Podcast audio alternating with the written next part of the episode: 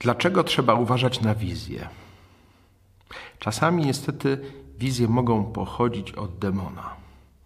I nie zawaha się użyć tej metody demon, jeżeli widzi, że pragniemy być blisko z Bogiem i jesteśmy już bardzo zaangażowani w modlitwę.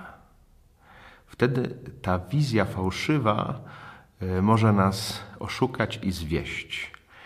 Tu trzeba się modlić i modlić wytrwale i też odważnie wybierać Boga i mówić do Boga, żeby On tylko do mnie przemawiał i że nie chcę słuchać nikogo innego. Żeby ta wizja, jeżeli nie pochodzi od Niego, odeszła precz.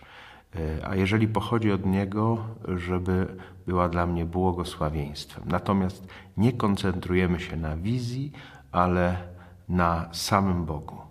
Jeżeli będziemy odważni, jeżeli będziemy e, stali w tym wybieraniu Panu Boga, wybieraniu Pana Boga, a nie wizji, wtedy rzeczywiście e, okaże się, że to, jeżeli to by była wizja od demona, natychmiast od nas odejdzie. Bóg zawsze zwycięża, ale musimy szukać tylko Jego.